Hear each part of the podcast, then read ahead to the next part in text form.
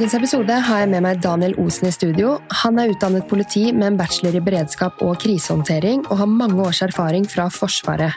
I tillegg er han mentaltrener, foredragsholder gjennom Athenas, og har skrevet boken Motivasjon og fortsette når du vil gi deg. Siden Daniel også har studert personvern, tar vi opp relevante aspekter knyttet til dagens tema. Bakgrunnen for dagens episode er at Daniel straks er ferdig med eksperimentet Ingen sosiale medier 2023, som han har i samarbeid med SIO helse. Og du som er fast lytter, vet at jeg også har valgt å logge av et helt år, noe jeg gjorde i august for å utforske hvordan det påvirker alle områdene i livet mitt, og da er det ekstra spennende å prate med noen som har samme prosjekt.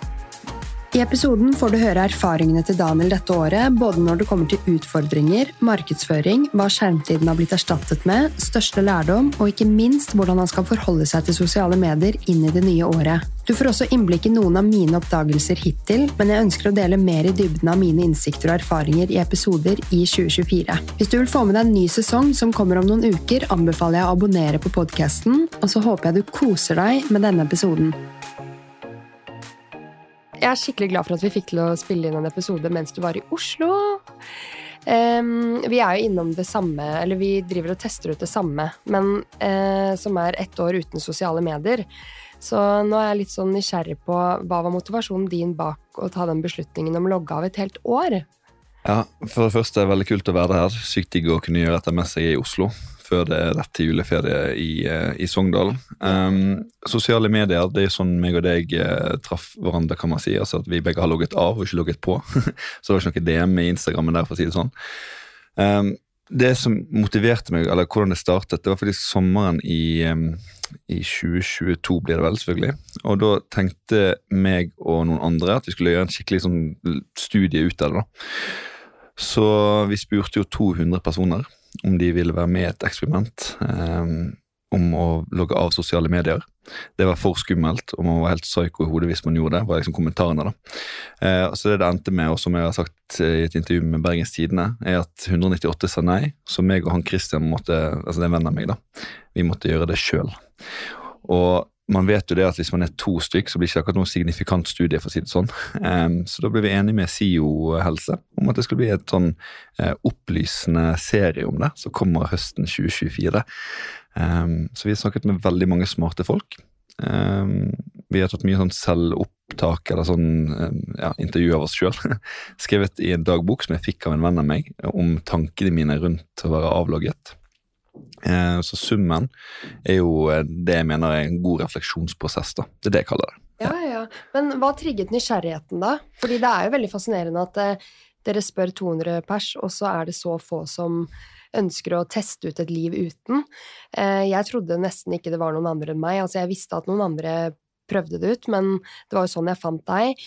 Eh, men hva trigget din nysgjerrighet i utgangspunktet? Ja, jeg, jeg har en ganske skarp mening da, om at alle er avhengig, altså vi alle mennesker, i hvert fall i vestlige land, er avhengig. Det mener jeg, da. Grunnen til det er fordi at eh, vi bruker skjerm hele tiden. Eh, og skjerm er på en måte én sånn nusselig del av det, men den andre delen er jo sosiale medier. Og ja, det er mange gode opplysningskontoer på YouTube, TikTok, Instagram og sånne ting. Og jeg følger jo mange altså Andrew Huberman, sant? nevropsykolog. Eh, deg mener jeg kanskje at jeg følger, vet ikke, husker ikke. Men sant? jeg følger veldig mange smarte mennesker. Eh, men det er så sykt mye eh, søppel, da. Bare for å være litt sånn eh, fresh og direkte igjen på den her. Mm.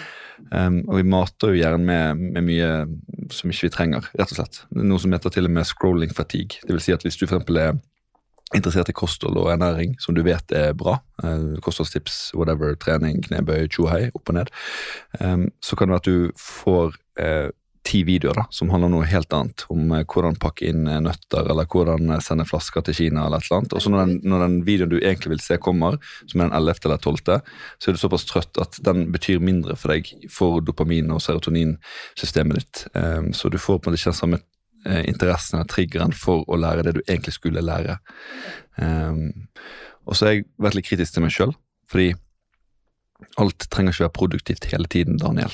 Det må vi huske. Altså, jeg skal ikke sitte her og si sånn at vi alltid må være påskrudd, vi alltid må lære noe. Alle er dumme som er på sosiale medier. Nei, absolutt ikke. Sosiale medier er veldig bra for markedsføring, for podkasten din, for mentaltrenervirksomheten min. Det er mye bra der ute, men jeg mener at vi er avhengige alle sammen. Jeg har til og med kompiser som sier at de ikke er det, men vi blir sugd inn i et kaninhull Ja, av uendelig. Ja. jeg hører folk sier eh, 'jeg legger ikke ut så mye'. Så er det sånn eh, Det å være aktiv på sosiale medier handler ikke bare om å legge ut noe. Det er hvor mye du scroller også og bruker tid der inne. Så du også hadde det litt oppi halsen og kjente at nå trenger du å utforske et liv uten Var det litt for å finne en balanse i hvordan du kan tilnærme deg sosiale medier om et år, da? Eller, eller nå over nyttår? Ja, for Jeg har lyst til å stille spørsmålet tilbake til deg, fordi eh, min skjermtid var på mellom fire til seks timer. Av, avhengig av hva, sant, som, hva jeg gjorde. Eh, jeg la ut ofte sånn Nå er jeg oppe på Kolsåstoppen. Nå er jeg oppe på um, Rimstigen, i Sogn og Fjordane, eller Nærøyfjorden, for de som lurte på det. Um, og jeg la ut sånne ting. Eh, og jeg ble kategorisert som en sånn in-betweener, som det heter. Eh, jeg visste ikke hva det var, men det betyr da at en som poster, men jeg poster ikke sånn sykt frequent eller sånn ofte. Men jeg poster nok til at jeg er på en måte akkurat aktuell hele tiden. Og da tenkte jeg sånn, oi shit, da er jeg liksom sånn, så da, da gjør jeg faktisk det. Um, hvorfor gjør jeg det? liksom, Må jeg ta bilde av alle utsiktene jeg er på? Spørsmålstegn. Mm. Um, og så eh, hadde jeg vel sånn skamfølelse for meg sjøl på det. Det snakker vi mye om på Olympiatoppen og metalltrening. det at man må ja, liksom akseptere seg sjøl for den man er. Men jeg kjente på liksom skamfølelse, sånn helt ærlig. Um, og de som er yngre enn meg og deg, vi er født i 1994, OL på Lillehammer, og det vi er blitt fortalt siden vi var liten, sikkert, Ja, ja. eh, Tina. Um, men mange har jo sånn opp mot seks til ti timer skjermtid hver dag. Og da ble jeg sånn, hva jobb er det du har? ikke sant? Begynte jeg å lure på. Og folk sitter jo ofte og scroller på jobb også. Um, og det kunne jeg på en måte aldri ha gjort. Det er ikke tid til. Så liksom, hvordan har det vært for deg, egentlig? Hvordan har skjermtiden din vært? Jeg bare jeg sånn Etter at jeg logget av? Nei, før. Å ja, før. Eh, jeg fylte ofte de fleste lommer med å scrolle, eller bare sjekke, ubevisst, om jeg sto i heisen, venta på at den skulle si pling og åpne seg. Um, satt jeg i bilen og hadde parkert, så kanskje jeg sjekket før jeg gikk ut. Altså, det var alle lommer og pauserom ble fylt opp med, med det. Og så har jeg vært bevisst på veien også ved å logget av en uke her og der, to uker her. Men um, jeg kjente at for min del var ikke det nok til å faktisk finne en måte jeg har lyst til å forholde meg til sosiale medier på. Så jeg kjente at eh, jeg trenger fire årstider. Jeg trenger et helt år, en god tid, fordi det, vi vet at det tar tid å skape gode vaner. Så da var jeg sånn eh, Jeg har vært så klar for dette her i flere år. Jeg hadde jo egentlig lyst til dette i 2020. Men så fikk jeg høre at det ikke var hensiktsmessig med tanke på markedsføring, som du nevnte, med podcasten og sånn, så jeg droppet det. Uh, mens nå var jeg sånn, vet du hva, de som lytter til podcasten, de lytter. Jeg orker ikke å dytte dette opp i trynet på folk hele tiden. Og jeg har masse faste lyttere som jeg setter stor pris på uten å måtte legge ut hele tiden. Og så eh, fikk jeg eh, Har jeg på en måte alltid hatt en sånn bismak av at jeg deler så mye, og særlig av barna, da. Eh, Jeg overdeler ikke bilder av barna, men jeg deler mer enn det jeg er komfortabel med. Så jeg tror eh, sosiale medier bidrar til at vi blir ukritiske. eh, Og deler altfor mye personlig informasjon. Og jeg bare kjente jeg hadde det helt oppi halsen, så jeg elsker livet uten, for å være helt ærlig. Eh, Men dette kunne vi snakket om 100 år, altså, men jeg merker jo også på arbeidsplassen at jeg som jobber som helsesykepleier på ungdomsskole, eh, sitter på eget kontor, og før kunne jeg fylle de der mellomrommene mellom møtene jeg har med Instagram, Snapchat, mens nå så er jeg skikkelig mye mer produktiv det halvåret her, da, enn det jeg har vært uh, før. Um, jeg, hvordan er, hva, fortell litt, hva gjør du? istedenfor? ja, nei, for eksempel hvis jeg har samtaler med elever, da. Mm. Eh, alt skal jo journalføres, så jeg må jo være ganske tilstedeværende i samtaler. Og for å kunne skrive en journal på hva samtalen handlet om, eller hvis jeg skal skrive en henvisning til eksempel eh, videre hjelp, da, eh, så må jeg være kobla på. Hva er det vi har snakket om? Eh, og hvis jeg da utsetter å skrive journal fordi at jeg fyller alle pausene med Snapchat, Instagram, Facebook, Messenger, altså YouTube, alt det som bare ding, ding, dong, dong, dong, så eh, blir jeg Da føler jeg oppriktig at jeg ikke gjør jobben min 100 Mm. fordi jeg bruker lang tid på å koble meg på Oi, hva var det vi snakket om i den samtalen igjen? Så et eksempel på det, da. Ja, og Vi, vi snakket litt om før vi spilte inn at vi skal, skal ikke snakke om om, om Forsvaret og, og, politiet, i hvert fall ikke i denne podkasten, men, men, til det du sa, da. Det med samtaler. altså Du har jo samtaler, du må journalføre det. Mm. Det er mhm. helt likt sånn som jeg jobbet i Forsvaret som etterforsker i de fire årene. Mm. Det er jo eh, eh, det er voldslovbrudd, økonomisk kriminalitet, sikkerhetsbrudd. Eh, og du må, altså om du vil eller ikke, kan du si, så må du være til stede i samtalen. Jeg må, jeg må skrive Eh, det som heter et avhør. Det er jo, er jo avhøret tatt. da. Og Samme var det i politiet. Folk som har blitt utsatt for det som heter tapsopplevelser. Det betyr altså det kan være hva som helst. altså Du blir frastjålet noe. Eh, sånt, vold, det kan være hva som helst. Innbrudd. Um, og, og, For å få med seg alt som blir sagt mellom linjene også, og stille oppfølgingsspørsmål om det, så må man være til stede i samtalen og faktisk lytte. Og Det tar vi også opp på Olympiatoppen med ja, nivå 1 til 4 lytting og sånne ting. og Hører du eller lytter du? og Det er det sånn standardting man alltid hører, da. Men, mm. men hvor viktig det er å um, få med seg det som er mellom linjene. da. Hva er det som ikke blir sagt også, istedenfor ja. bare hva som blir sagt. Mm. Så sånne ting som det er revolusjonerende for min del. Um, og sosiale medier gjør uh, altså Man snakker mye om dette med oppmerksomhetsspennet. Uh, jeg skal ikke liksom gå for dypt inn i det, men poeng. Men, ja, men poenget er at, eh, for at eh, jeg, jeg pleier å kalle det for noe annet sjøl, bare sånn teit navn. Jeg, jeg, kaller det for alvorlighetsutholdenhet. Altså, klar, altså, Evner du å være måte, alvorlig eller til stede i en samtale? Det trenger ikke være alvorlig, egentlig, for så vidt, men, mm. men istedenfor at man flyter rundt i hva man skulle ha spist, og, mm. og shit, hva gjorde jeg gjorde i går? Det grubler jeg over. Hva bekymrer jeg meg over for fremtiden? Mm. Um, så jeg bare, altså, Vi kan kalle det for samtaleutholdenhet, da. Bare ja. for å ta et nytt ord i denne podkasten. Samtaleutholdenhet. Ja. Det døper jeg det nå. Ja, eh, og elsker det. det å klare å holde i det, da, istedenfor å bare flyte til alle kanter. Ja, ja. Jeg syns det er viktig, da. Absolutt. Men kan jeg høre, hva er det du har oppdaget ved deg selv eh, dette året her? For nå er jo du snart ferdig med dette prosjektet. Mm. Um, er det noe du har lagt merke til som du kanskje ikke ville lagt merke til hvis du var på sosiale medier? Ja, jeg synes Det er kanskje greit for lytterne å begynne i den spede begynnelsen. For i det sekundet jeg logget av, det var på nyttårsaften. da i 2022, ja, inn mot 2023. Så våkner jeg da 1. januar i sengen min på Bislett her i Oslo. Og så tror nervesystemet mitt at jeg har sosiale medier. Veldig, veldig interessant. Det som skjer, er at jeg tar opp telefonen, skal sjekke Snapchat. Oi, nei, jeg har ikke Snapchat. Hm, merkelig. Skulle nesten tro at jeg tok avgjørelsen i fylla. ikke sant? Og jeg logget jo av. Jeg var jo faktisk litt beruset når jeg logget av, eh, men jeg hadde jo planlagt dette her ja. ordentlig. Så kroppen min trodde at jeg hadde sosiale medier uten at jeg sjøl var klar over det. Og det var sinnssykt rart. Det, det varte minst i to uker. Etter to uker da begynte kroppen min å skjønne at du har ikke sosiale medier, Daniel, så det er ikke vits å sjekke en idiotisk telefon. Og så går det kanskje to måneder, så legger jeg merke til at hm, jeg begynner med erstatningsrus. For jeg vet jo, eh, du som jobber med dette, ja. eh, rusmisbrukere finner ofte noe annet. Ofte er det klatring og løping og tjo og hei og strikking og sånne ting. Skal ikke liksom kategorisere hva man gjør, men mm. man finner noe annet, da. Så hva var det jeg fant? Jo da, jeg fant bøker og vg.no. Så sykt mye VG. og, og, NRK og alt ja. det her. Eh, og andre medier. Bellingcat, blant annet. Veldig bra. Um, så jeg fant ut at jeg leser mer um, kommersielle medier. Jeg eh, leser med bøker. og Jeg leser bøker fortere enn før. Og hvordan måler man det? Kan man som kritisk lytter tenke? Jo, for jeg vet jo hvilke fritidsbøker på en måte jeg har evnet å komme meg gjennom, eller faktisk giddet å lese. For jeg har jo mye pensum eh, når jeg gikk på Politihøgskolen da, mm. og nå eh, med etterretningsstudiet i London. Um, men jeg, finner mye glede i bøker, da.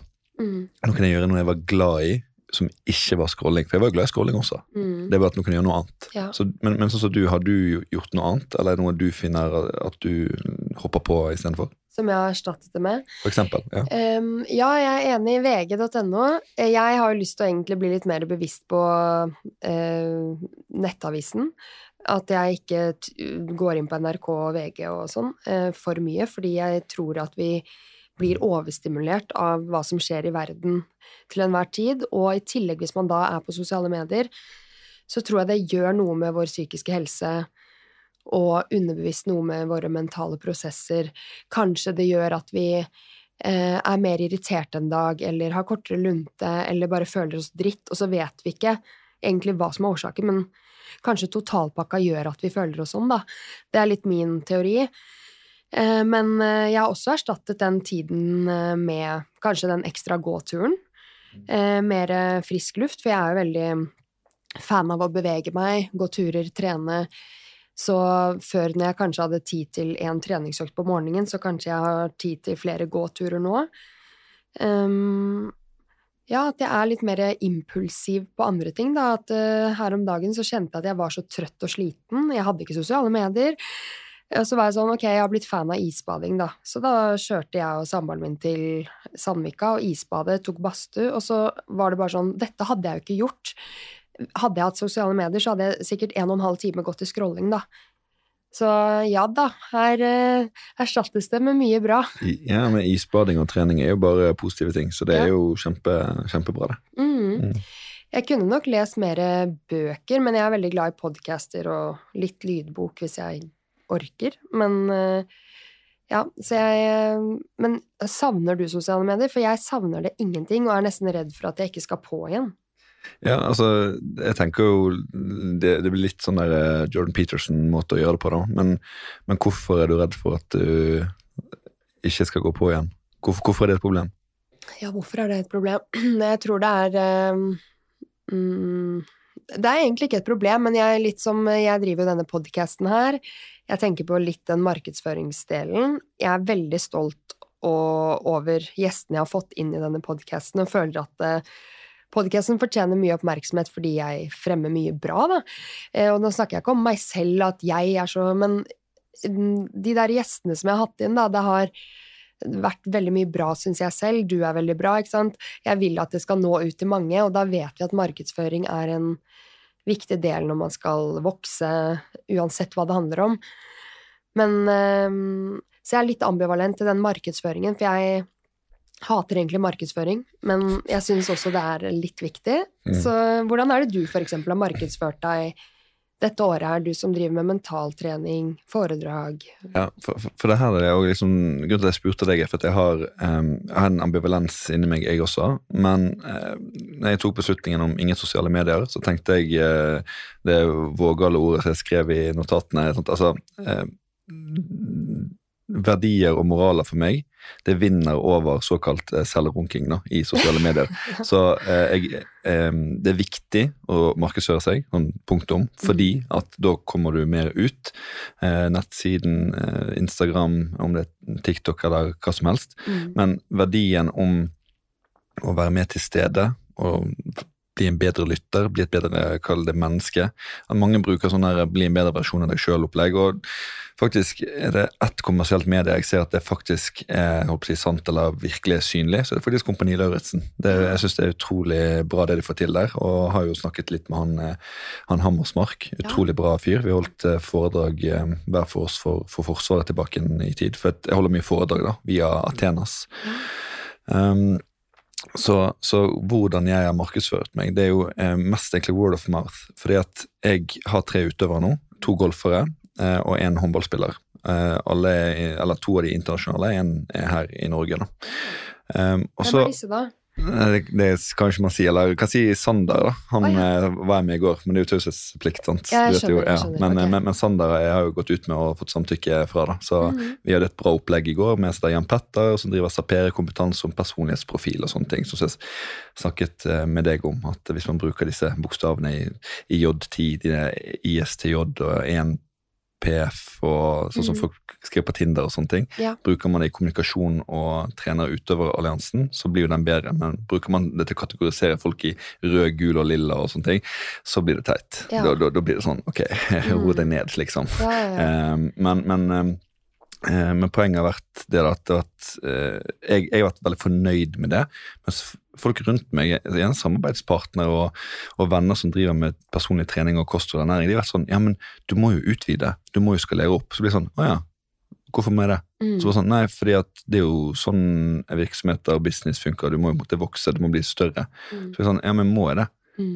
Kan, kan, jeg um, ha studiepermisjon fra Forsvaret, være interessert i cybersikkerhet, men ha tre utøvere i mentaltrening og være fornøyd med det? Mm. Jeg tror det. Ja. Jeg tror det går veldig bra. jeg. Mm. Så folk rundt meg har en sånn skaleringstankegang med Daniel Osen og mentaltrening, at jeg skal vokse. Mm. Mens jeg kan være veldig sånn Nei, det går bra. Seinere, kanskje. Nå. Det går fint.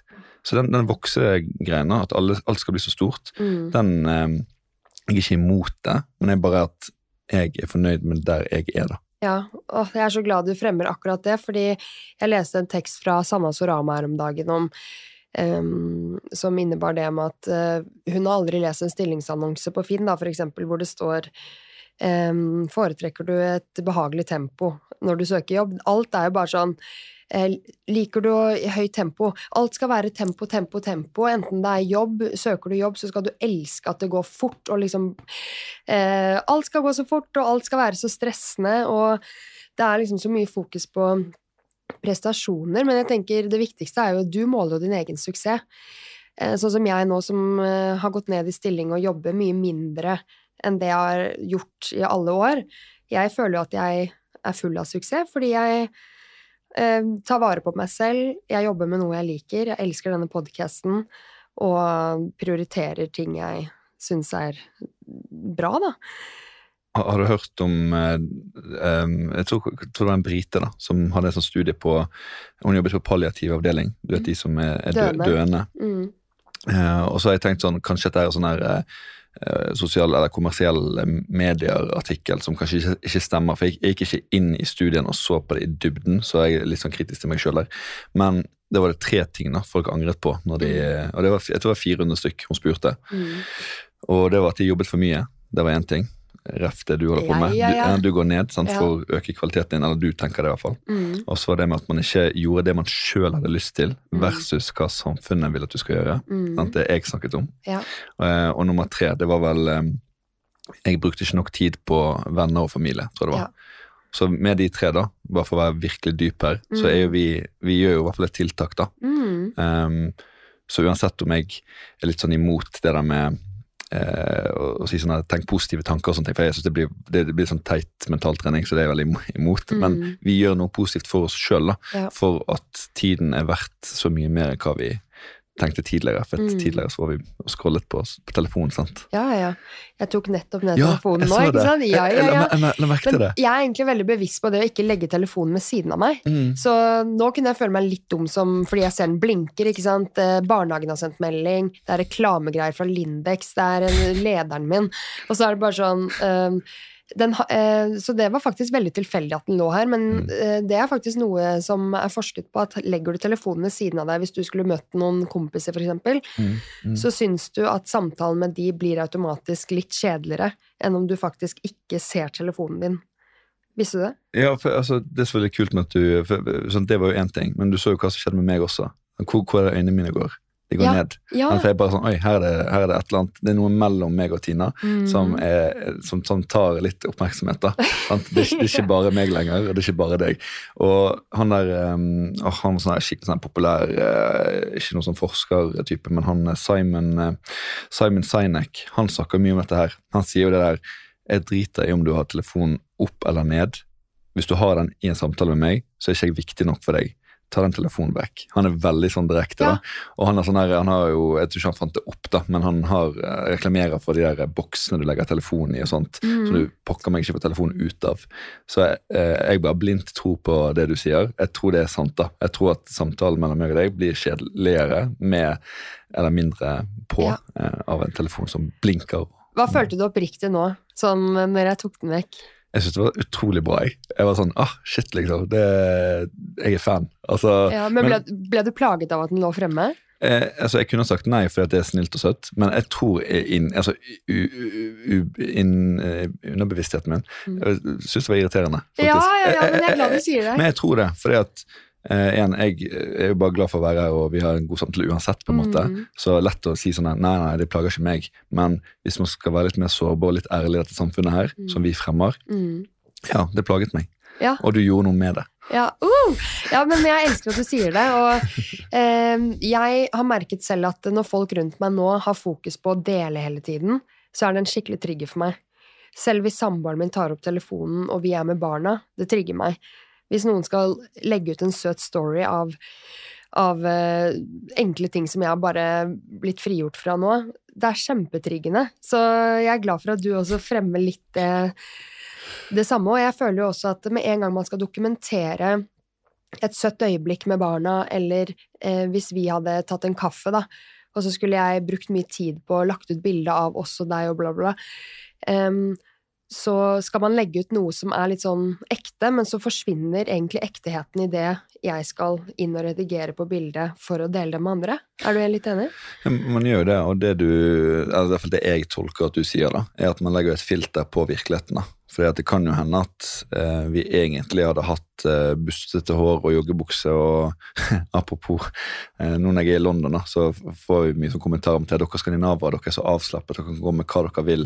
Så sier jeg sånn, ja, I Oslo sentrum så går de fleste med liksom litt sånn kule klær, men ellers jeg skjønner jeg hva du mener. Eh, for det er vesentlig mer stivere der, da. Så poenget er at vi kunne jo møttes og vært helt sånn ja, avslappet for at vi, eh, vi hadde vært venner i ti år, og liksom. men så blir det sånn ja, men det kan jo hende at Tina skal ta et fint bilde, så kan det at jeg skal freshe meg litt opp. da. Ja. Og gjør man, da gjør man det for bildet, og ikke for opplevelsen. holdt jeg på å si.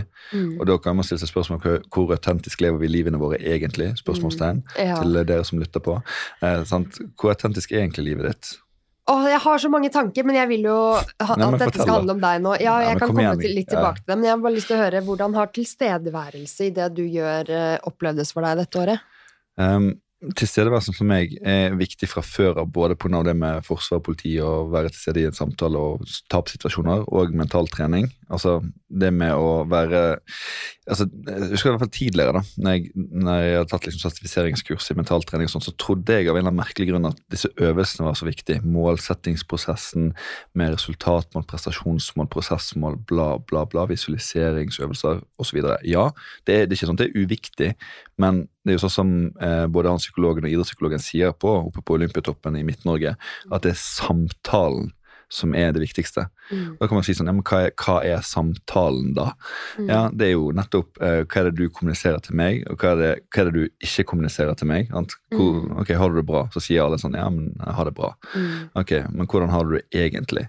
Nei, egentlig så er det et helvete hjemme. sant? Det er, Mm. Ungene skriker, og det er kaos. og sant? altså, det, det med å få frem hva som egentlig skjer i livet ditt, for å få frem litt sårbarheter og litt sånn ærlighet i samfunnet. Jeg sier ikke at alle skal være sånn megamyke hele tiden, for det er jo noe som heter tid og sted. Sant? Er man i operasjonsrommet i politiet, og det er masse nødanrop, så kanskje du plutselig begynner å fortelle kolleg- kollegaene dine om hvordan du har det hjemme. For det passer ikke. Nei, nei. Det er, sånn, det er faktisk nødtelefoner vi skal ta her. Ja.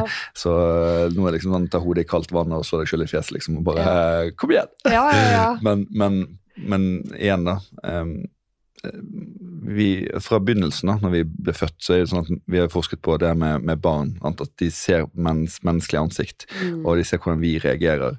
At Hvis du blir sykt lei deg når ungen din eh, faller og slår seg, kanskje være sånn kjempehardt, liksom, litt vondt på kneet, og hvis Mm. du begynner sånn åh, nei, dette var dumt, da blir Mm. altså, du begynner å gråte sjøl, så Mm. begynner de å gråte. Ja, For de, de speiler oss, da. Og mennesker speiler hverandre. ja, ja. Så hvis du hadde vært veldig lei deg nå, så hadde jeg blitt litt sånn oi, det her er bare en litt, sånn, litt mørk podkast. Ja. Da blir gjerne jeg også litt lei meg. ja. Og, og du har veldig sånn behagelig, jeg har hørt i de tidligere podkastene, du har veldig behagelig stemme. Takk. Og det gjør før. Nei, da. Ja. Jeg tulla. Jeg har faktisk det, men du, du har det. Og det, det gjør at jeg også jeg, jeg har lyst til å gå ned eh, Altså ikke ned på nivå i sånn, men jeg har lyst på å gå ned i toneleie. Og jeg har lyst til å bli behagelig sjøl. For jeg kan være veldig sånn bam, bam, bam, Og så vet jeg at når jeg har holdt foredrag og sånn, så jeg har fått mye gode tilbakemeldinger, men jeg har også fått tilbakemeldinger på at Daniel, du kan snakke litt saktere, for at folk her er over eh, 50 år, og det tar litt tid, da. mm. Gjerne hold litt lenger på slidene dine, forklar grafen litt Mm. bedre. Hva menes egentlig med, med oppmerksomhetstretthet? Hva er egentlig emosjonsregulering? Ok, Så må jeg liksom gå ned og fortelle grunnleggende. Mm. Så jeg merker at når du er sånn, så blir jeg sånn. ja. Mm. Men jeg tror jo også, det snakket vi om litt før innspilling, at vi er jo også litt sånn brautende skuer. Så jeg har jo begge sider. Jeg tror bare jeg prøver å være litt bevisst sånn, er jeg i podcast, eller snakker jeg med venninnene mine, for da kan det på en måte, da er jeg en brautende sku. Kan Ja. fort bli. Og det merket jeg i går um, da var jeg på podkastinnspilling rett over gaten her. Og da Mm. fikk jeg sånne her spørsmål om både identitet til menn og masse greier. Og nå, altså, normalt vi er sånn politisk korrekt i podcaster og media og NRK-intervjuer og God morgen Norge har vært på og sånne ting, så jeg har vært veldig ordentlig. Mm. Og så tenkte jeg sånn, nei, vet du hva, nå skal jeg bare si akkurat det jeg mener. Ja. og bare være helt sånn rett fram, da. Ja. Og fortalte til og med at jeg hadde for Før jeg gikk inn i på Politihøgskolen og Forsvaret og sånt. da, Mm. så Jeg har hatt litt trøblete barndom. Um, så da, så da, da brøt vi opp både dører og stjal, og vi, vi gjorde så mye kriminelt at du aner ikke. da, Stjal bil og det var helt ka kaos. Mm. Så jeg fortalte om det i går, da. Og det er jo ikke noe jeg har liksom fortalt om ellers, for det er jo kjempeidiotisk. Altså, Jeg vet jo at jeg er holdt et bra menneske, Ja, ja, ja. men det er ikke noe jeg hadde gjort ellers. sant? Nei. Men jeg merket det med deg før vi spilte inn at eh, vi er jo begge to eh, ja, litt løse skruer. Ja, ja, ja. Og så endrer man seg. Men er det ikke deilig å eh, kunne si ting litt rett fram? For det har jeg også merket når jeg har hatt gjester her. Eh, så har jeg tenkt på hvordan jeg fremstilles ved å holde tilbake på egentlig mine meninger, for at ikke noen skal arrestere meg på at eh, eh, jeg har mine meninger. Men det der handler litt også om at jeg må føle meg psykologisk trygg eh, i enten rommet med deg eller gjestene mine på at jeg kan dele en annen mening enn gjestene mine, uten at jeg, skal, at jeg skal være redd for at nå skal det skrives på internett hva jeg mener om alt mulig, da. Stå litt mer stødig liksom mine egne Mm. meninger. Fordi det Man holder litt tilbake og er redd for å bli dømt og sånn. Eh, Jeg var i hvert fall det før, men jeg begynner å åpne litt mer opp for det nå, da. Men eh, jeg har 100 000 spørsmål til deg. Men har noe vært utfordrende det året her, syns du? Uten sosiale medier? Ja, eh, det har det. Og jeg har faktisk eh, det er skrevet ned bare sånn at jeg kan huske å fortelle Mhm. det, for jeg syns det er litt viktig å fortelle det. Ja. Så jeg har faktisk skrevet det ned på en liten lapp her. ja. Og det er det at jeg har fire ganske konkrete hendelser som, som illustrerer, mener jeg, da, utfordringen. Fordi vi kan jo reversere spørsmålet til vil du komme tilbake på sosiale medier. Og da har jeg bestemt meg for at jeg kommer til å gjøre det fordi markedsføring, vi har snakket om det, eh, men nå kommer de fire historiene. Den ene gangen så var jeg på skytetrening med, med politiet, satt rundt lunsjbordet, ante fred og ingen fare. Så kommer en jente bort til meg, så sier hun sånn Ja, skal du på Kenneth sin 30-årsdag? Og så sier jeg bare oi, nummer én, hvem er du? Hvem, hvem Kenneth? Hvem av Kennethene? og hvor er dette? Mm. Så sa han, nei, du er invitert til en sånn Facebook-gruppe, da. Eh, arrangement 30-årsdag. Så sier jeg ok, eh, kult. Eh, har ikke, den har slippet i posten, holdt jeg på å si. Eller eh, forresten, jeg har ikke sosiale medier, da, bare for å fortelle hvor tilbakestående jeg er. liksom. altså, det er jo sånn, ja. Du, det er sånn, du, sånn du føler deg, da. Ja. Og så, sånn, ok, ingen sosiale medier, hvem er du? Mm. Eh, og det er jo det er på en måte en litt sånn søt ting. Det er, det er liksom, en måte bare en bursdag, men bursdag er viktig, det også. sant? Mm. Eh, jeg gikk glipp av den, da, for å si det mildt. Eh, så har vi eh, nummer to. Jeg møtte en god kollega fra Forsvaret på flyplassen. Ser at han har en ring på fingeren. da. Så sier jeg sånn Du, hva har du liksom forlovet deg, eller hva skjer, liksom? Det er jo bare et år eller to siden jeg så han. Nei, jeg har gifta meg, sa han. Så sier jeg sånn Å ja. Ja, du har ikke sosiale medier, så du, du har ikke fått det med deg. Så sier jeg sånn Nei, det er jo interessant, da. Mm. ok, sant? Liksom, okay, ok, greit. Så har vi eh, en som eh, fikk, eh, fikk unge. Det var veldig koselig. Um, det jo ikke en sånn kjempenær venn av meg, så det er liksom, det, jeg hadde ikke fått SMS eh, sånn, Nei. eh, fra før av, av det. da. Um, siste møtte opp til fetteren min sitt hus, og han har flyttet. Og det er på sosiale medier at han har flyttet. På Instagram så står det 'Vi selger huset'. Oh. Det har ikke jeg fått med meg, nei. for det står ikke på VG. Nei, nei, nei. Oh. Så, så, men så, for å dra den enda dypere, da. Eh, Mm. siste samtale vi hadde med hun eh, psykologen fra SIO, som har blitt avlagt prosjektet Ingen sosiale medier 2023, Mm. serien som kommer neste år. Mm. Um, jeg sa til hun at dette, dette er litt sånn hentet fra en mentor for meg i mentaltrening. Jeg heter Gyrid. Spurte om jeg fikk lov til å kopiere dette. her. Fordi at Ofte når hun holder foredrag, så ber hun folk peke på seg. Og så peker liksom, pek på meg. Så, sånn, ok, jeg sitter alle og peker. Det kan godt være at det er min feil som holder foredrag her i dag, at du er sint og lei deg og trøtt, og hvem er, hvem er hun som holder foredrag, hvem er dette her? Men husk at det er tre fingre under her som peker mot deg sjøl. Så poenget med den referansen der er at vi må huske at det er jeg som har meldt meg ut av samfunnet, ingen sosiale medier. Det er ikke folk som på en måte har kastet meg ut av det. Det betyr at jeg også har ansvar for å følge med. Så jeg, jeg føler at mange kunne lett og godt sånn åh, han sendte ikke meg melding til 30-årsdagen sin. Åh, Mm. Han sa ikke at jeg, eh, jeg burde sendt melding og, og om eh, at jeg har fått unge, eller hvorfor fikk ikke jeg melding? Um, og, og liksom litt sånn offertankegang, da. Ja. Eh, nå, nå ble, jeg merket jeg ble veldig sånn hard her liksom, Ja, ja. I, i samtaler. Mm. Men, men det er viktig for meg å si, for det er jo jeg som har meldt meg ut. Og hvordan var det før i tiden? Jo, meldte deg ut av flokken, så betydde det døden. Jeg har meldt meg ut av samfunnet. Mm. Jeg har meldt meg ut av forventningene og normene som vi har skapt oss med sosiale medier. Jeg sier ikke det er sunt, eller noe sånt, men det, scrolling er ikke sunt. Amen. men, men jeg har gått ut, derfor mister jeg informasjon, og det er min feil. Ja. Og det må vi huske. Mm, veldig godt poeng. Herregud. Fordi det er veldig lett, som du sier, å ta den offerrollen og si at til hver eh, situasjon, da jeg, Men jeg er ikke på sosiale medier. Men man har faktisk et ansvar i å følge med på nære relasjoner sin bursdag, da. Em, fordi det betyr så mye sånne små ting, da, som eh, ikke handler om oss selv. Det betyr mye for å ta vare på relasjonene rundt seg. Ja, henge med i samfunnet, rett og slett. Miss, Så- har du gått glipp av noe? For du har ikke sosiale medier, du heller. Men du, du, jeg tror jeg har hørt at du har, har du Messenger. Ja, Messenger. Ja, Det er smart. da. Det, det Ja. gikk jeg ut av. Ja, fordi litt av uh, min tankegang var at uh, jeg, uh, jeg vil ha et eksperiment som passer inn i den moderne verden. Så, Smart. smart. ja, så det å kunne kjøpe en sånn gammel Nokia, det var ikke noe poeng for meg, fordi eh, målet her er ikke å ligge under en stein og late som at ikke vi lever i et samfunn som er moderne. Det er mer det at jeg har lyst til å finne en hva skal jeg bruke sosiale medier til i fremtiden?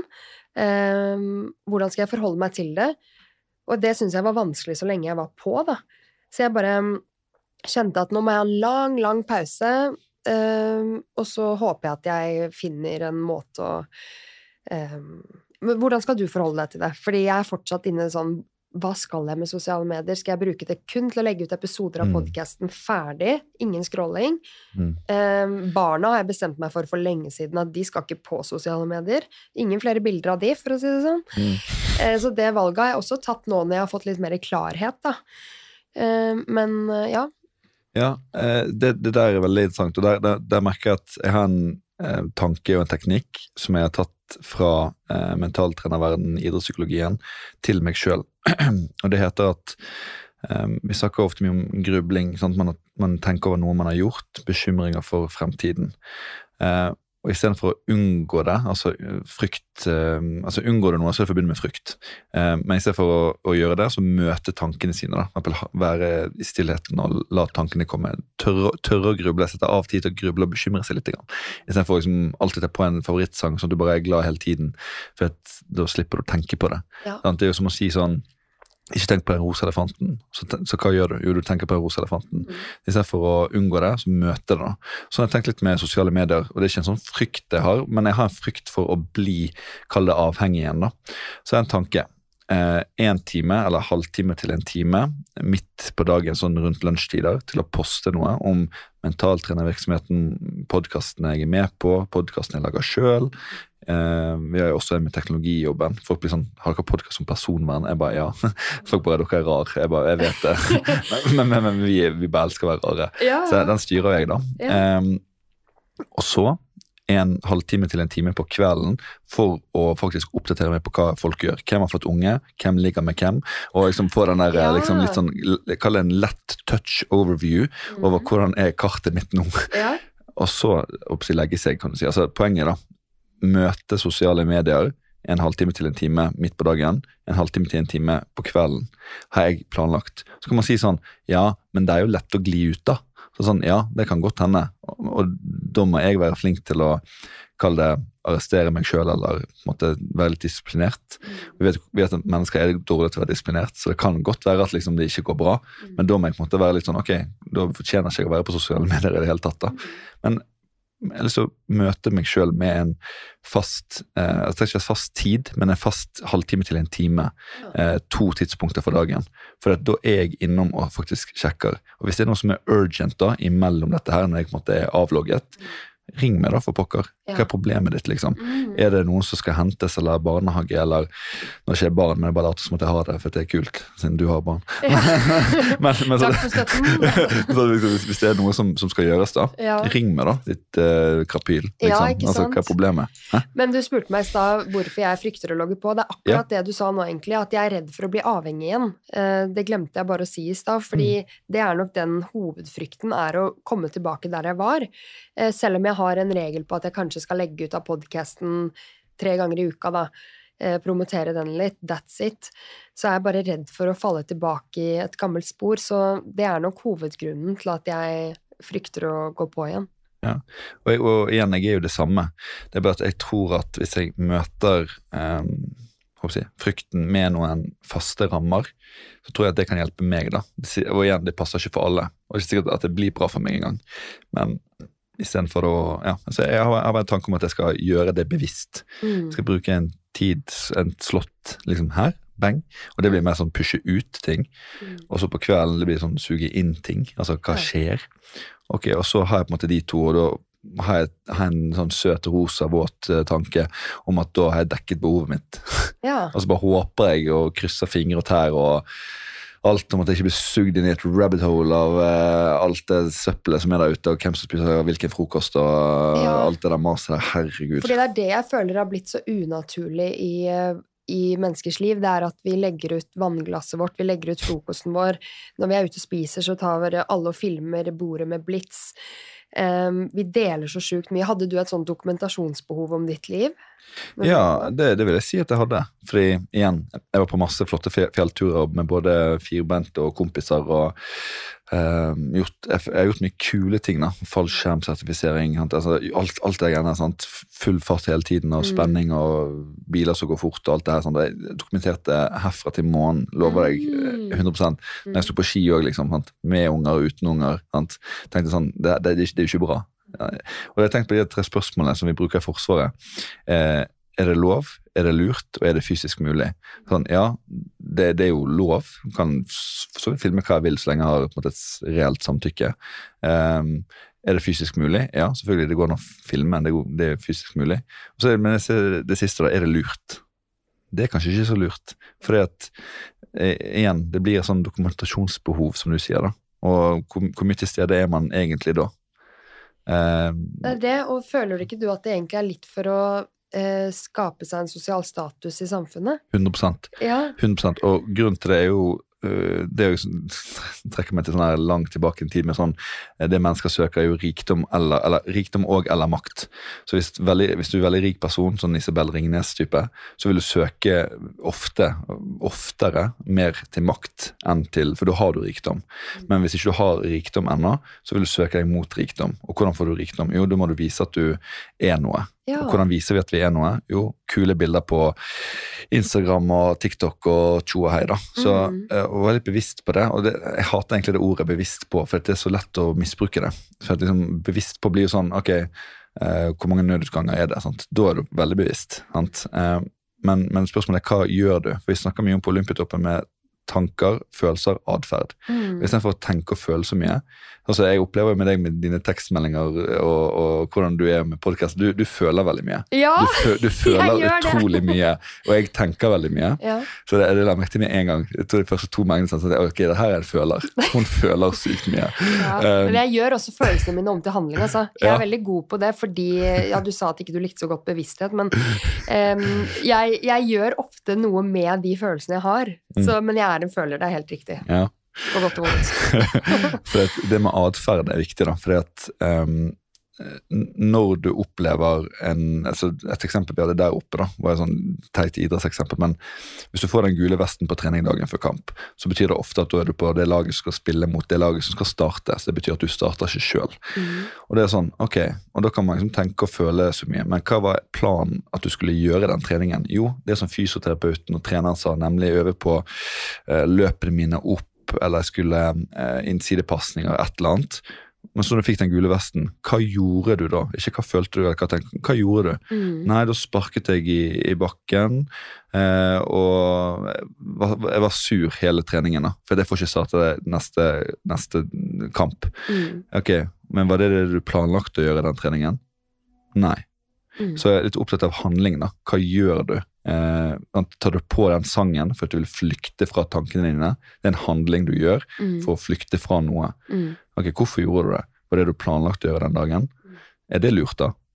Mm, nei, kanskje ikke. Mm. Ok, Kanskje heller gå til terapi eller møte dine egne tanker og sitte i et stille rom. da. Mm. Eller bare snakke med noen. Mm. Snakk med deg som er helsesykepleier, snakk med mor, far, familie, Mm. kusine, og luft tankene. Det er òg en handling Ja. å gjøre det, istedenfor å bare Nei, jeg tar på sangen, og så bare talala, flykter, liksom. Ja.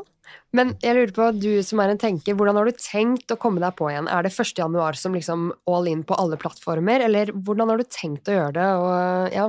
Ja, for den konkrete handlingen er den som jeg har sagt, den med en halvtime til en time midt på dagen, en halvtime til en time på kvelden. Og det er igjen for å få meg sjøl ut, og for å suge inn informasjon. Det er, liksom, det er sånn handlingsmessig jeg har tenkt å gjøre det. Ja. Og så spør du om er det 1. januar, og det har jeg funnet ut at jeg vet ikke om jeg er klar egentlig for 1. januar, for jeg koser meg så utrolig mye uten sosiale medier. Um, men at det blir i løpet av januar, det er jeg ganske sikker på. Jeg har laget meg noen tankekarter. Det er faktisk et kult program som heter X-Mind, som er et tankekartprogram.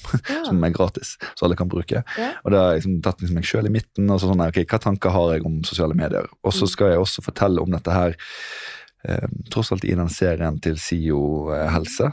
Det er jo den avdelingen det heter, som kommer ut av høsten 2024. Og så skal jeg også fortelle om Human Behavior in Touch with Technology på UK Cyber Week april 2024. Det er. Som jeg nettopp ble invitert til. Ja. Og det er kult. Det skal være et team med nevropsykologer. Eh, Det er den ene oppgaven. Oppgave to skrive en artikkel for dem. Og De har 150 000 subscribers, 70 000 som faktisk klikker på linken. fordi Mm. London er bare større enn en oss. Ja, ja.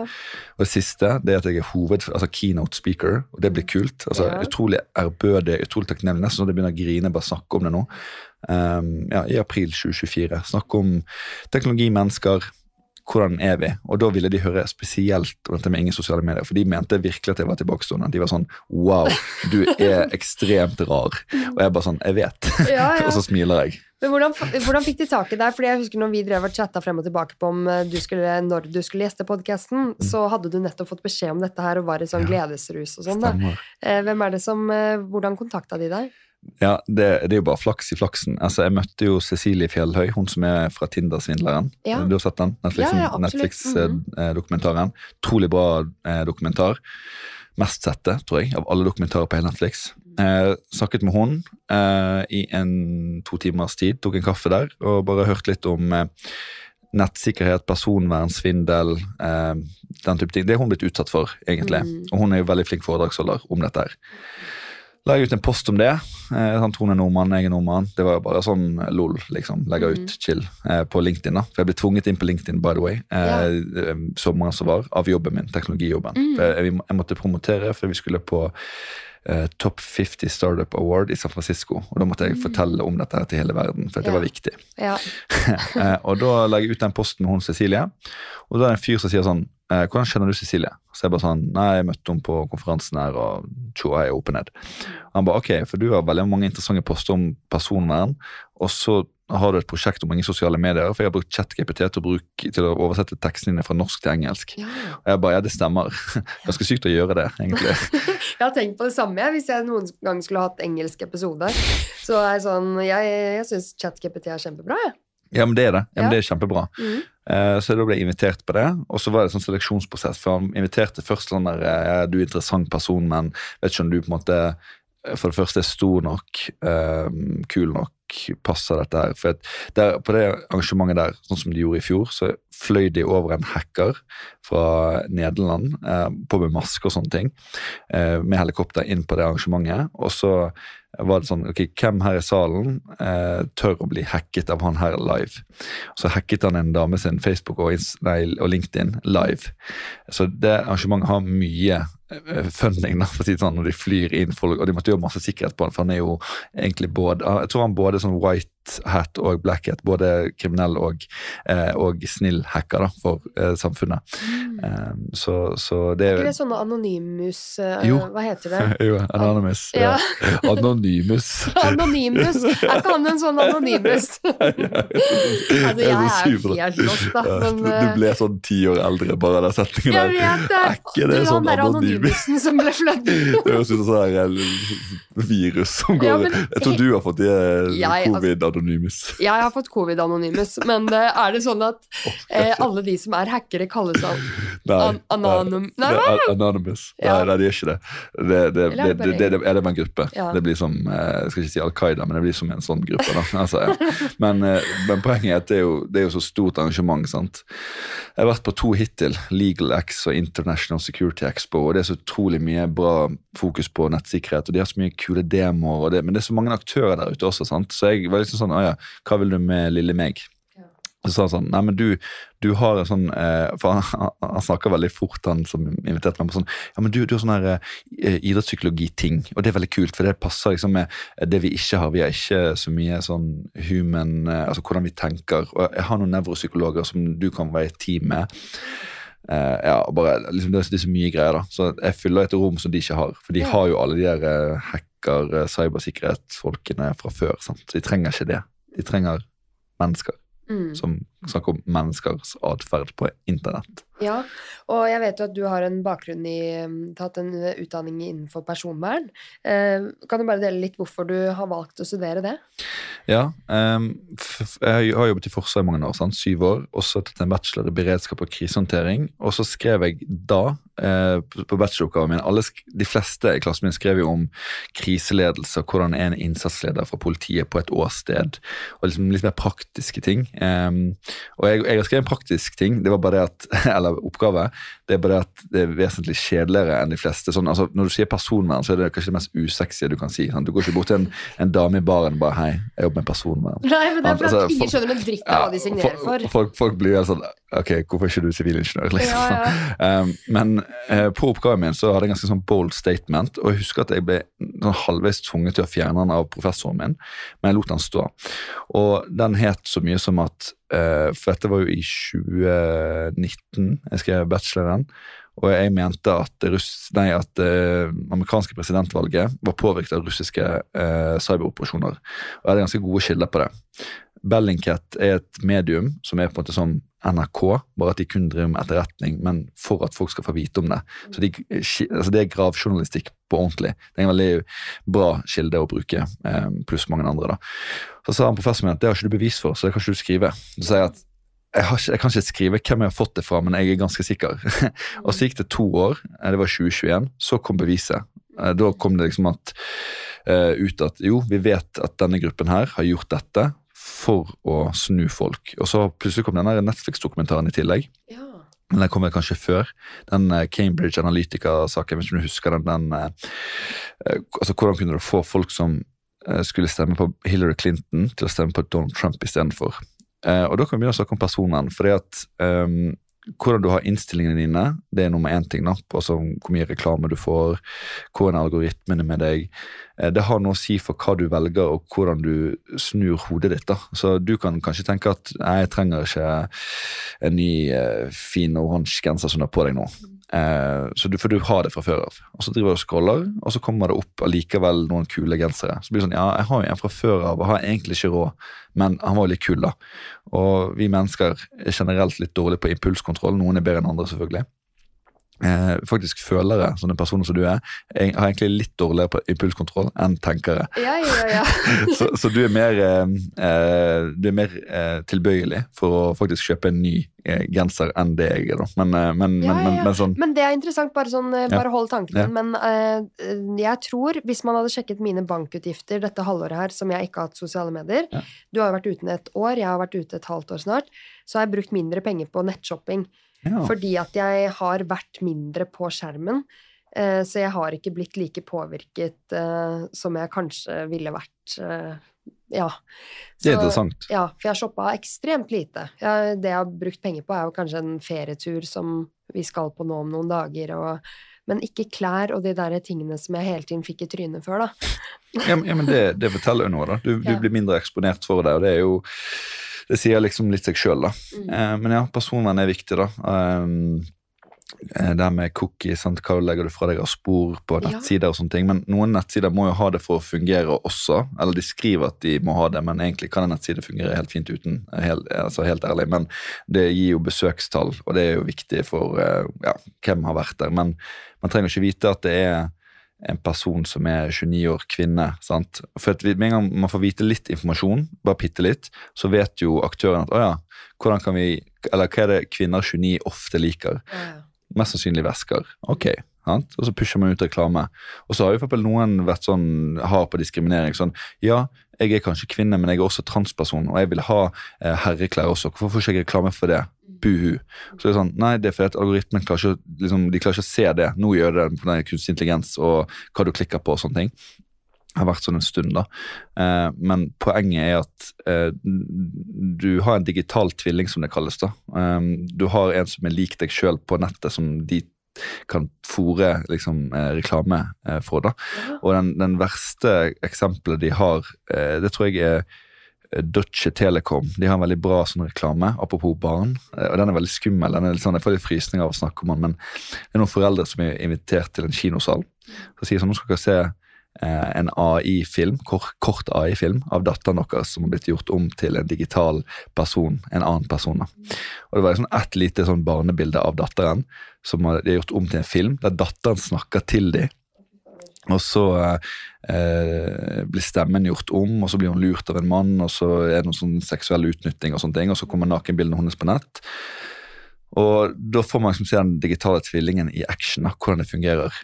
Og den er jo veldig skremmende. Litt sånn skremselspropaganda. da. Mm. Og det skjer jo ikke med alle dette her. Det skjer, jeg eh, lurer på hva Telenor eller NSM, Nasjonal sikkerhetsmyndighet, hadde som tall, om det var én av fem eller én av seks. Det er ganske mange det også, da. Men altså, vi må huske at det er jo òg fem av seks som ikke blir utsatt for dette her. Så det er jo ikke alle. Mm. Men det, det, kan skje, da. Men er det sånn hvis jeg deler bilde av sønnen min eh, på Facebook, at da eier den plattformen bildet av ja, jeg så, så, at du skrev det som et eh, spørsmål, og det er jo sånn For å være veldig teknisk, da, så eh, er Facebook det som, eller Meta er det som man heter felles behandlingsansvarlig med deg. Jeg tror det er sånn de har døpt det. og Det betyr at de har like mye ansvar for bildet som deg. Mm. Eh, og da kan de bruke det på en måte mot deg hvis det skjer noe med det bildet. Men Meta har jo ingen ønsker om at det skal bli misbrukt. altså Ikke barnebilder spesielt. og de har nå kjenner jeg en som jobber i Meta, så jeg er veldig farget av det. Eh, hun jobber på Kings Cross midt, midt i plommen i London. Det er ti av ti mm. kontor. Jeg var og besøkte der for uh, en måned siden. Jeg skrev et lite LinkedIn-innlegg om det. Og de er veldig opptatt av personvern og barn spesielt. Og der tror jeg egentlig de er flinkere enn hva man tror. Jeg tror mine kolleger i personvern de vil at jeg skal slakte Meta, for jeg gjør det generelt. Og det mener jeg sånn på voksennivå, så gjør jeg det. Men når jeg har sett på hva de gjør med, med barn og sånne ting, altså sånn beskyttelse, mm. så tror jeg det er mye bra. Jeg tror ikke man skal jeg tror ikke man skal slakte noen bare for å gjøre det. Så de har veldig fokus på det, for de har ikke lyst til å ha et stempel som eh, child, children exploiters, altså utnyttelse av mm. barn. Så det gjør deg litt tryggere, håper jeg. Men samtidig så er det sånn at deler du noe, så er jo det på internett for alltid. og når jeg, blitt, når jeg er personvernrådgiver og politi og alt det her, så får jeg tusen spørsmål fra familien min. ja, ja, ja. Men hva, hvordan kan det påvirke personvernet vårt da? at man stadig deler informasjon og, eh, om seg selv på sosiale medier? Ja, det er jo det at det blir laget en profil av deg. Det heter profilering. Og det, det, er ikke lov å gjøre, men vi vet eh, altså Det er derfor Norge har denne Det ligger på datatilsynet.no. De har en eh, tingrettssak mot Meta. Og Det som er kult, er at det liksom er Norge som gjør dette. Så når jeg har vært på disse um, International Security Expo og sånt i London. Mm. Så blir folk sånn Å ja, Norway. Altså, vi vet at uh, Data Protection Authority, som er da Datatilsynet i Norge, dere har jo en sak mot Meta. Liksom Norge mot Meta. Mm. Um, jeg bare ja, ja, vi har det, vi har det. Og Datatilsynet har gitt dagbøter til Meta. Det er ganske kult at Norge gir dagbøter til et så stort konsern ja. som er på flere millioner. Mm. Uh, og så har de anket, og så er det en sak som pågår nå, da. Men det handler nettopp om det du spør. Det handler om profilering. altså de lager en profil av deg.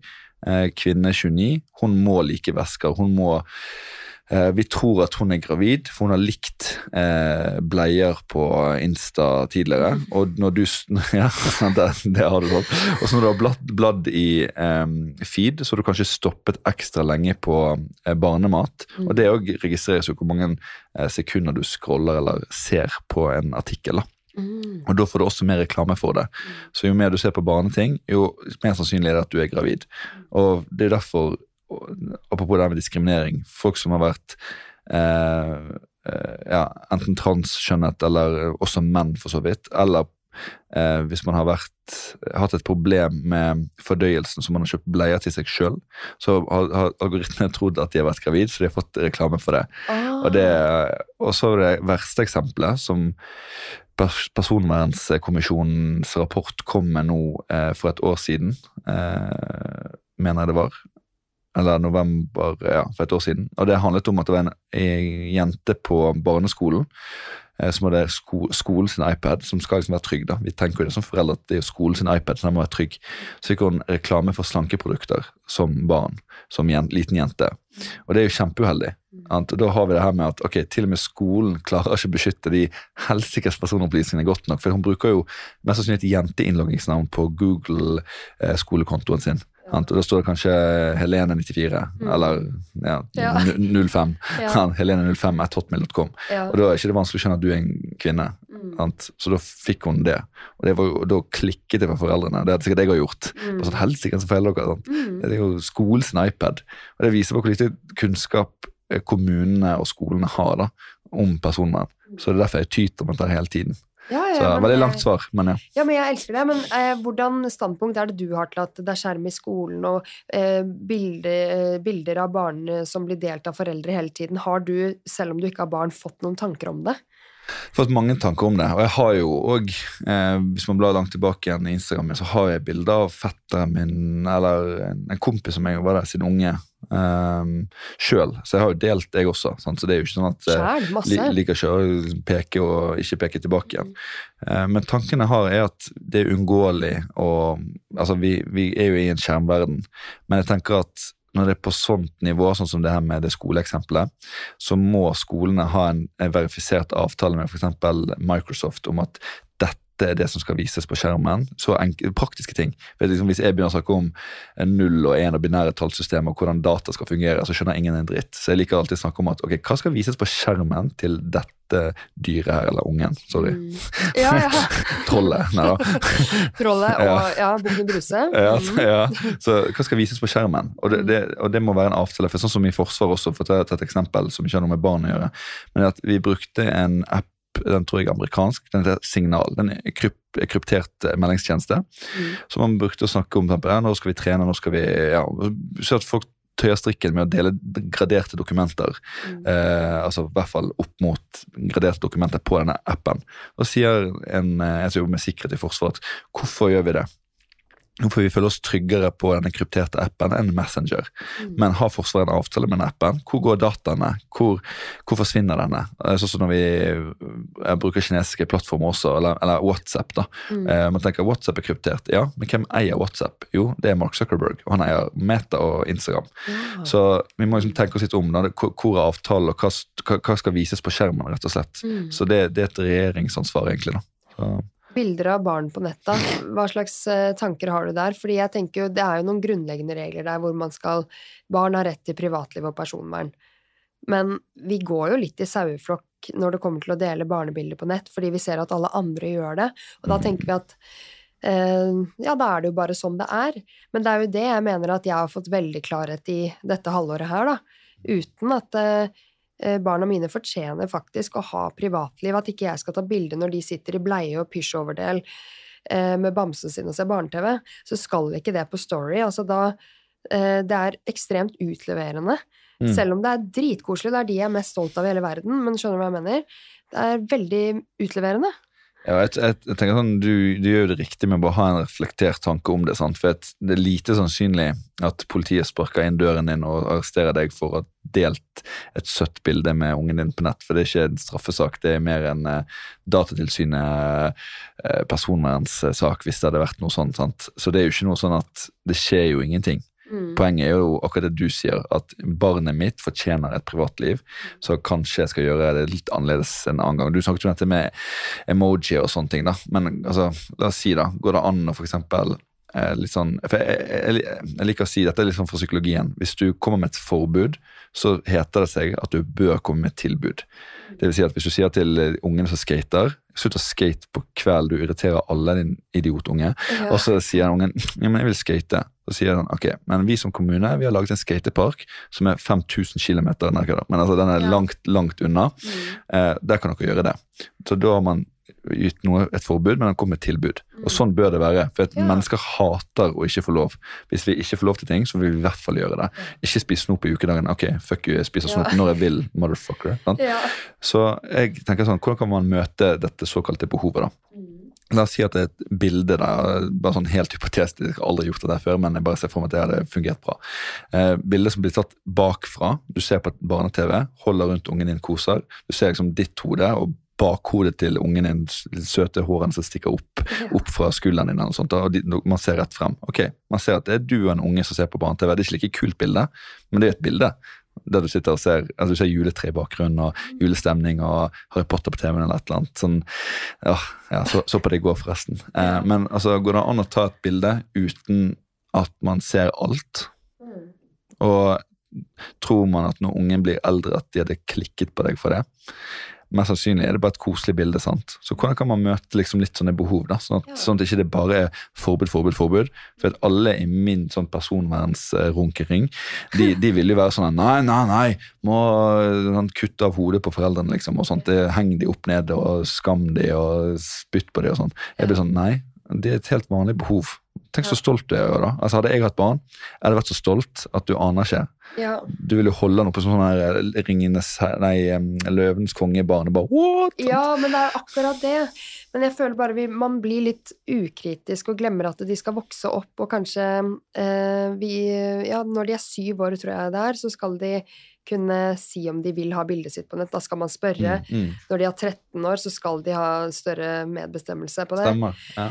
Um, og ja, jeg bare eh, tror at vi glemmer litt at eh, de har rett på et privatliv og personvern, da. Mm. Mm. Eh, så når man putter en emoji over ansiktet, så kan man La oss si de hadde lekt på barnerommet sitt, og så Man kan likevel se favorittbamsen.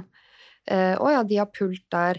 Hadde feil person sett det bildet, så kunne de likevel gjenkjent av krøllene kosebamsen, smokken, fordi den har sett så mye rundt den personen likevel, tenker mm. jeg da. Ja, men det er, det er, jo gode tanker. altså Helst ingenting, men igjen så liker jeg som at hvis man kunne gjort et eller annet eh, Se på ferie i Spania, da, og så går det an å ta bilde fra liksom, toppen av hodet eller eh, bakfra, liksom sånn med sommerhatt på eller solbriller eller et, mm. sånn, et eller annet noe sånn så ja, Sånn at man kan møte et, et behov, da. For at folk mm. liker jo å dele.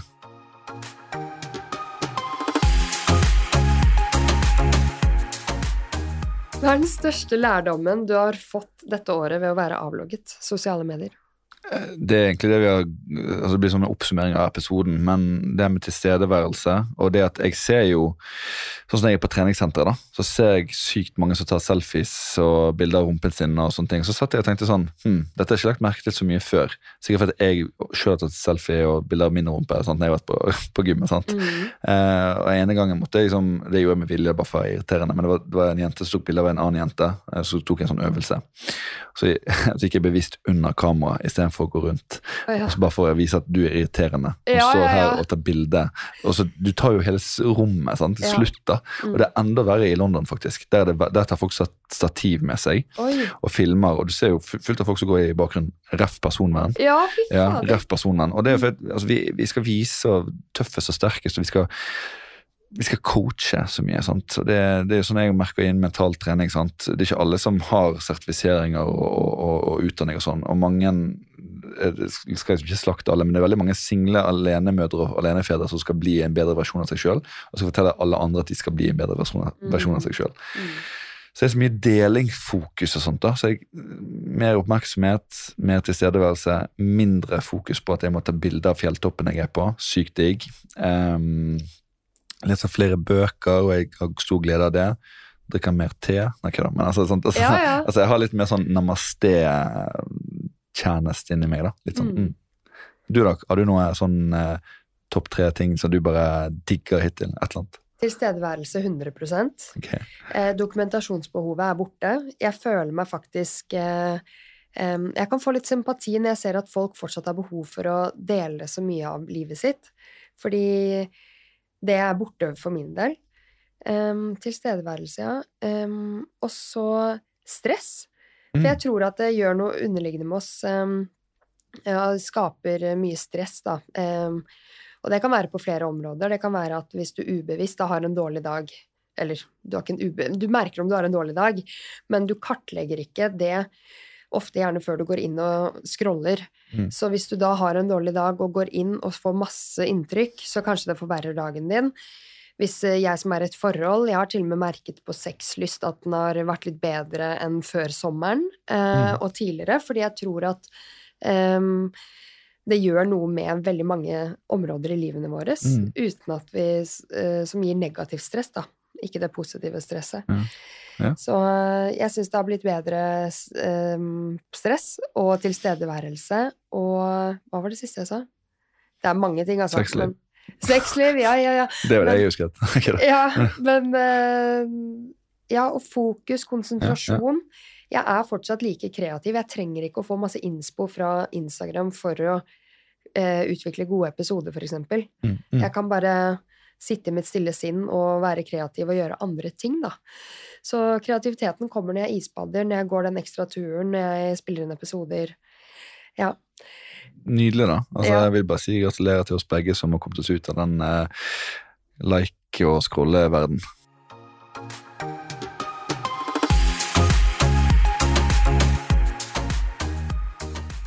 Men du, jeg har fire faste spørsmål som jeg alltid stiller gjestene før vi skal hoppe inn i en ny episode. Ja. Eh, hvordan starter du uken best mulig? Du, det er faktisk med trening, det er med jobb um, og hva skal jeg si Egentlig stillhet og ja, få lest litt. Grann. Grunnen til det er at jeg liker å komme i et slags eh, startmodus. da. Jeg sa jo til deg i mailen at dag, altså min uke starter egentlig dagen før, for jeg liker å planlegge veldig mye. Men eh, etter jeg har planlagt, så hopper jeg bare rett inn i det. Jeg, igjen, jeg, så, jeg føler ikke så mye, så jeg bare hopper, hopper inn i det. Ja. Eh, Så jeg liker å si at den eneste måten å få noe gjort på, er å starte. Så jeg, jeg bare starter. Mm. Ja. Hvordan snur du en dårlig dag om til en god dag? Ja, Det er jo en sånn ting. Hvor jeg skrev der? For Jeg hadde noen sånn tanke om det, for jeg har på en måte ikke noen sånn, jeg har ikke så mye dårlige dager, på en måte. Eh, og det er ikke sånn at jeg sitter bare positiv og sånne ting, men det her er blitt fortalt, da, at hvis du du får mye ut av livet hvis du er veldig glad og veldig eh, altså Du blir ofte veldig lei deg også. Det, ja, det er litt sånn steg, sant? Ja. Um, og jeg, jeg har lite av det, og så kan man si sånn, ja, men da har du lite glede, for du, da er du så flat. Og det kan man sikkert si, men jeg føler at det er veldig sustainable for meg. da, altså Det med bærekraftig, hvordan jeg bærer meg selv gjennom, gjennom dagen. Så eh, hvordan jeg snur den um, jeg, jeg går gjennom og ser på hva er det jeg har gjort, hva er det jeg har lyst til å gjøre. og eh, prøver å liksom kvitte meg med, men se på dette, hvorfor jeg har skam for ting jeg ikke har gjort. for Det er liksom typisk meg. Hvis jeg ikke har fått gjort noe, så tenker jeg ikke hvorfor er jeg lei meg for det. Var det andre ting jeg prioriterte mer? Um, hadde jeg en kompis gikk gjennom noe veldig tungt for ikke så lenge siden. ok, og så tenkte jeg, ah, nå fikk jeg ikke gjort det jeg skulle gjøre, men jeg hadde en samtale med han eh, som betyr mer for oss begge egentlig enn å gjøre den oppgaven. Ref palliativ behandling. Det er, det er ikke så viktig å få gjort ting og bare jobbe seg i hjel.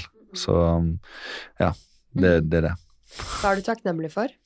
Veldig takknemlig for å være i podkasten her, eh, og for å egentlig møte smarte folk. da, Sånn som eh, du har veldig sånn eh, dype perspektiver på ting. Og han har snakket med i går, eller de har snakket med i går, har også veldig sånn en bredt perspektiv, tør å snakke om identitet, menn, seksualitet. Em, så ja, takknemlig for å møte folk som tør å gå ut av den kaller det woke-bobla. Litt sånn teit ord, men ja, som er litt sånn anti-woke. da. Ja, Det er jeg det er jeg takknemlig for. Hva inspirerer deg? Åh, det er så mye som inspirerer meg, men faktisk så eh, jeg blir veldig inspirert av hvor jeg har gått fra eh, sjøl, eh, sånn i livet, til hva jeg er på vei til å bli. Ref, jeg, som jeg sa i går også, for å være litt sårbar. Det var en ganske tøff, eh, tøff barndom, og min kusine hun sa, sa, sier ofte det til meg at du skulle egentlig vært rusmisbruker, du. Sånn ref eh, statistikk ut ifra hva du har opplevd. Eh, så jeg er veldig takknemlig for at jeg har hatt et, eh, eller inspirert av miljøet rundt meg. For vennene mine var glad i skole, var glad i fotball. Og hadde de vært glad i noe annet, så hadde jeg også endt opp i noe annet. Så venner og foreldres venner har inspirert meg til å ta kloke valg for meg sjøl. Som gjør at jeg gikk inn i Forsvaret, politiet, og kan sitte her da, og ikke liksom være på plata.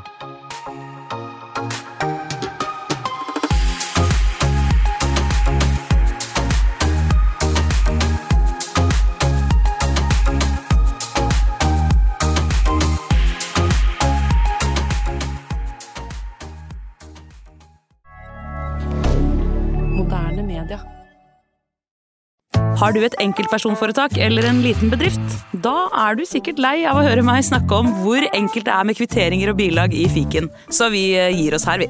Fordi vi liker enkelt. Fiken superenkelt regnskap.